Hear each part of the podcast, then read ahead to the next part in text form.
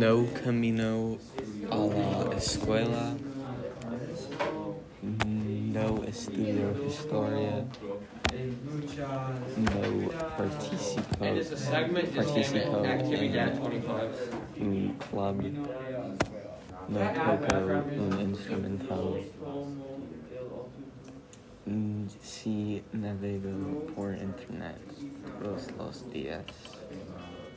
And then do Sí you add it to an estudio episode? en la biblioteca. Yes, add it your answer. Chick fil A es el mejor restaurant in Oklahoma City. El pollo sandwich está muy bueno.